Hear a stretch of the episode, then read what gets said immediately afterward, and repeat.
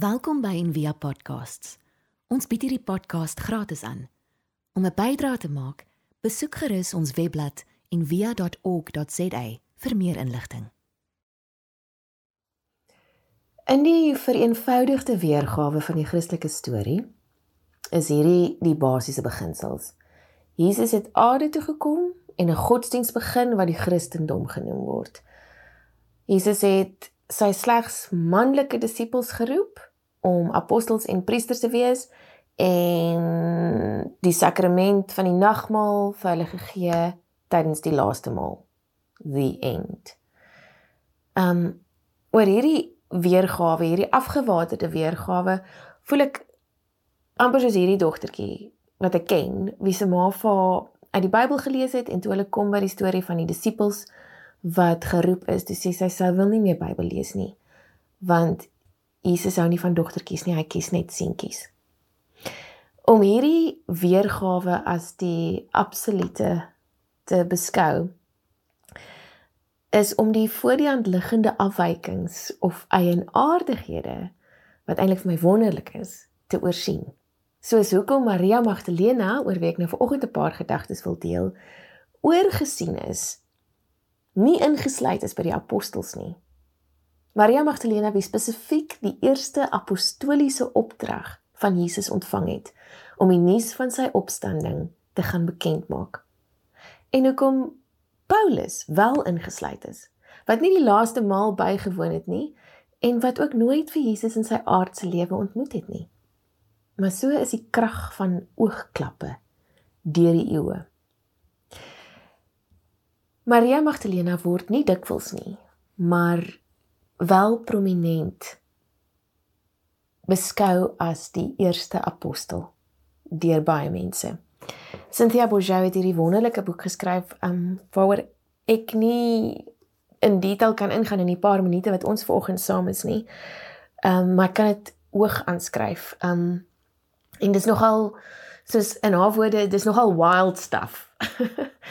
uh the meaning of Mary Magdalene discovering the woman at the heart of Christianity.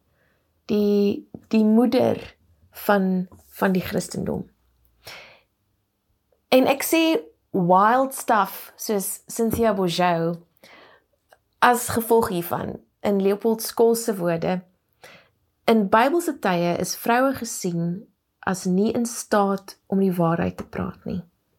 As hy die Joodse reg behandel, skryf Flavius Josephus byvoorbeeld dat minstens 2 maar verkieslik 3 getuies nodig is. Mense wat goeie lewens lei. Dan kom die woorde: "Maar laat die getuienis van vroue nie toegelaat word nie op grond van die oppervlakkigheid en vermetelheid van hul geslag." In dieselfde asem voeg hy by dat slawe se getuienis ook nie toelaatbaar is nie. Ook die Talmud wat weliswaar van 'n later datum is, sê iets soortgelyks. Daar word vroue se geloofwaardigheid selfs met die van 'n rower gelykgestel. Met ander woorde, vroue was in die antieke tyd die swakst denkbare getuies om van die leë graf te vertel. Trouwens, die Griekse filosoof Kelsos het juis die geslag van die eerste vroulike ooggetuies aangegryp as argument waarom die Christelike geloof belaglik is. Maar as die evangelieskrywers die verhale versin het, as hulle die opstandingsverhaal wou versin het, sou dit mos logies gewees het om meer geloofwaardige manlike getuies in te roep. Maar net soos dit 'n Samaritaanse vrou was wat volgens Johannes die heel eerste mens is wat hom as die Messias erken, is dit juis vroue wat eerste van die leë graf en sy opwekking uit die dood getuig. Hoekom is so baie mense verras dat Christus eerste verskyn het aan Maria Magdalena? En vanoggend wil ek eintlik vra, hoekom nie? Ehm um, sy staan vir my in die plek van van alle menslike hinkering, in die plek van alle sogenaamde sondaars. Al die Marias van al die evangelies word eintlik in haar bymekaar gebring op hierdie punt van die ontknoping in die opstanningsverhaal. Richard Rohr skryf dat Jesus hiermee duidelik sê the very failures die mislukkings and radical insufficiency of our lives are what lead us into larger life and love. The very failures and radical insufficiency of our lives are what lead us into larger life and love. Asof hy vir al die mans wat vinger gewys het na haar wou sê, julle is almal verkeerd oor God.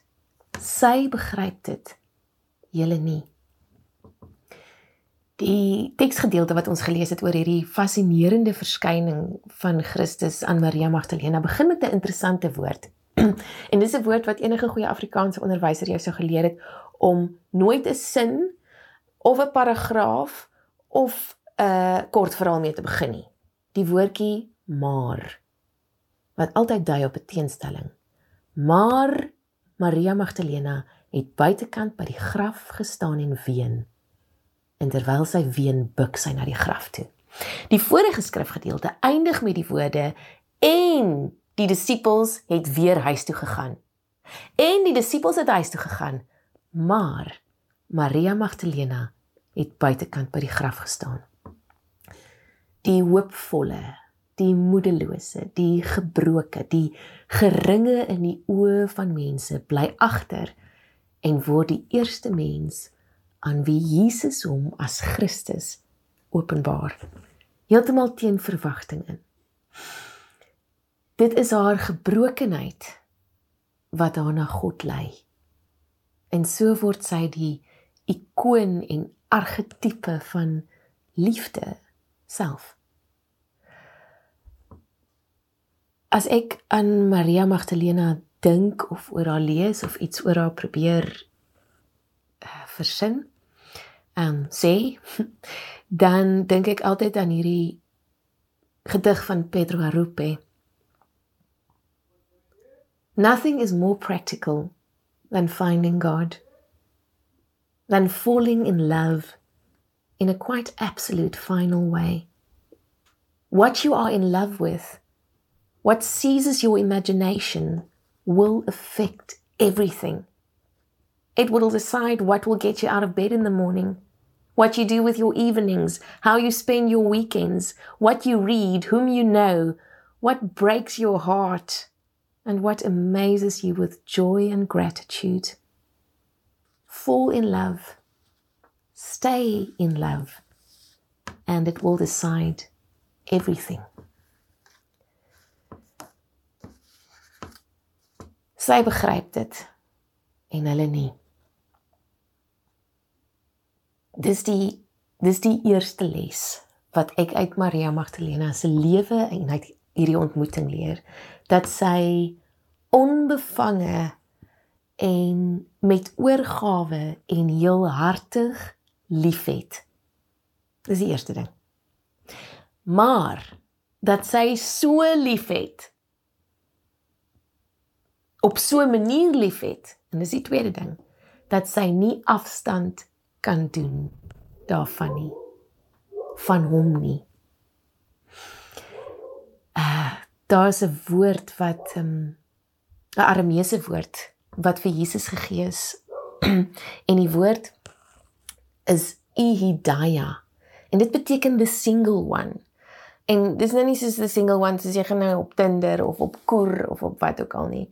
Dit beteken eintlik um ten volle mens. Um heel hartig mens.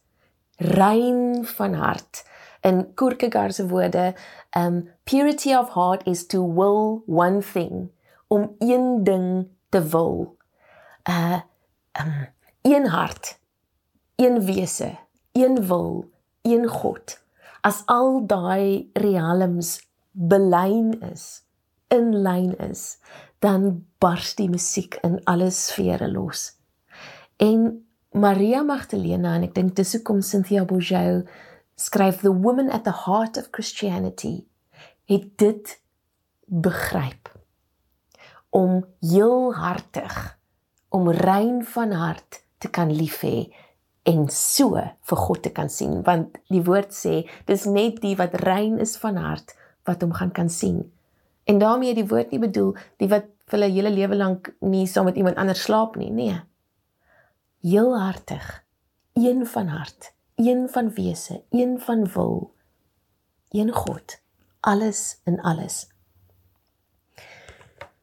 Jesus vir wie ons gemak of kortstondige geluk nooit die be all and end all is nie.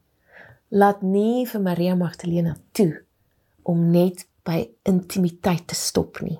Dis die belangrikste eerste om heelhartig en openhartig en met oorgawe lief te hê. Om om so weerloos te wees want dis wat liefde aan ons doen dat dat intimiteit die natuurlike gevolg is. Maar dan laat stop hy haar nie daar nie. Um, dan laat hy haar verder in die hart van ware metamorfose in en leer haar seker die seerste les van haar lewe. Daai mooi seer, die seerste seer van afskeid. Juis omdat 'n mens so lief is vir iemand om afskeid te neem van vorm sodat ons die wese van liefde vir ewig kan ervaar. En hierdie ontmoeting transformeer haar. Sy word die bemoediger vir die ander disippels. Sy gaan na hulle toe en sy sê vir hulle moenie twyfel nie. Dit is dit kom nou in 'n ander evangelie voor in die wysheids ehm um, evangelies wat eers later ontdek is. Die evangelie van Maria Magdalena. Sy bemoedig hulle en sê moenie twyfel nie want twyfel en selfsabotasie verskeur jou hart en ons moet heel wees van hart. En dan sê hulle, kyk, kyk wat het wat het die mense aan Jesus gedoen? As hulle dit aan hom gedoen het, wat gaan hulle aan ons doen? Dan sê sy, hy het ons voorberei hiervoor. Die die korrekte vertaling is eintlik he prepared us to be fully human. Hy het ons voorberei om ten volle mens te wees. Omdat haar menshart en haar hoe sê mens dit in Afrikaans, haar passie, haar lover's passion so sentraal is in hierdie transformasie.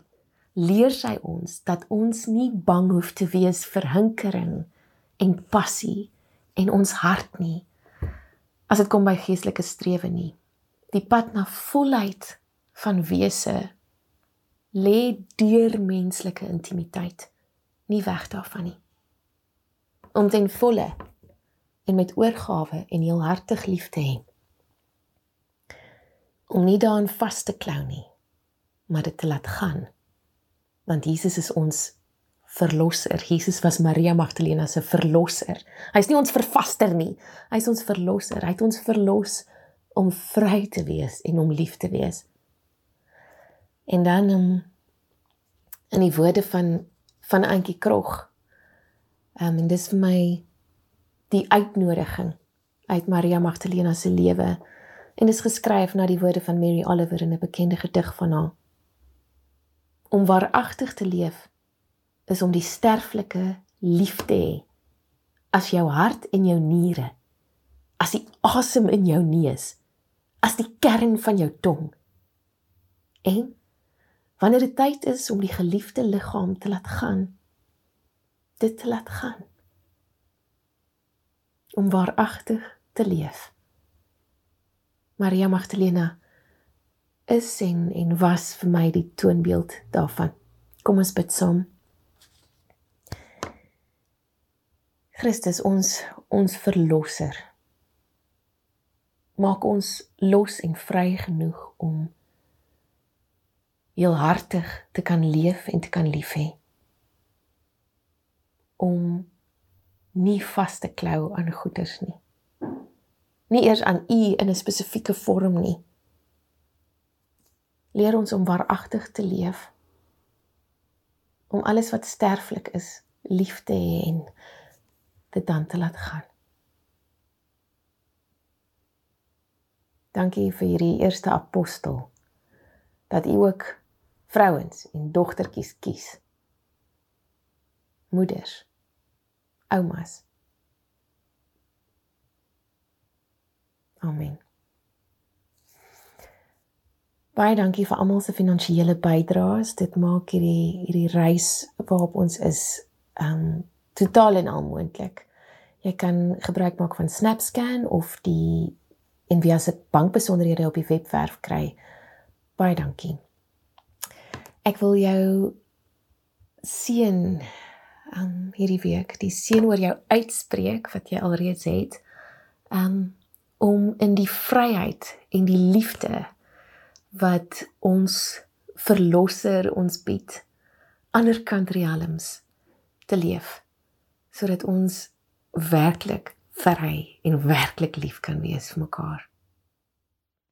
Ons hoop van harte jy het hierdie podcast geniet of raadsaam gevind. Besoek gerus en via.ok.za vir meer inligting.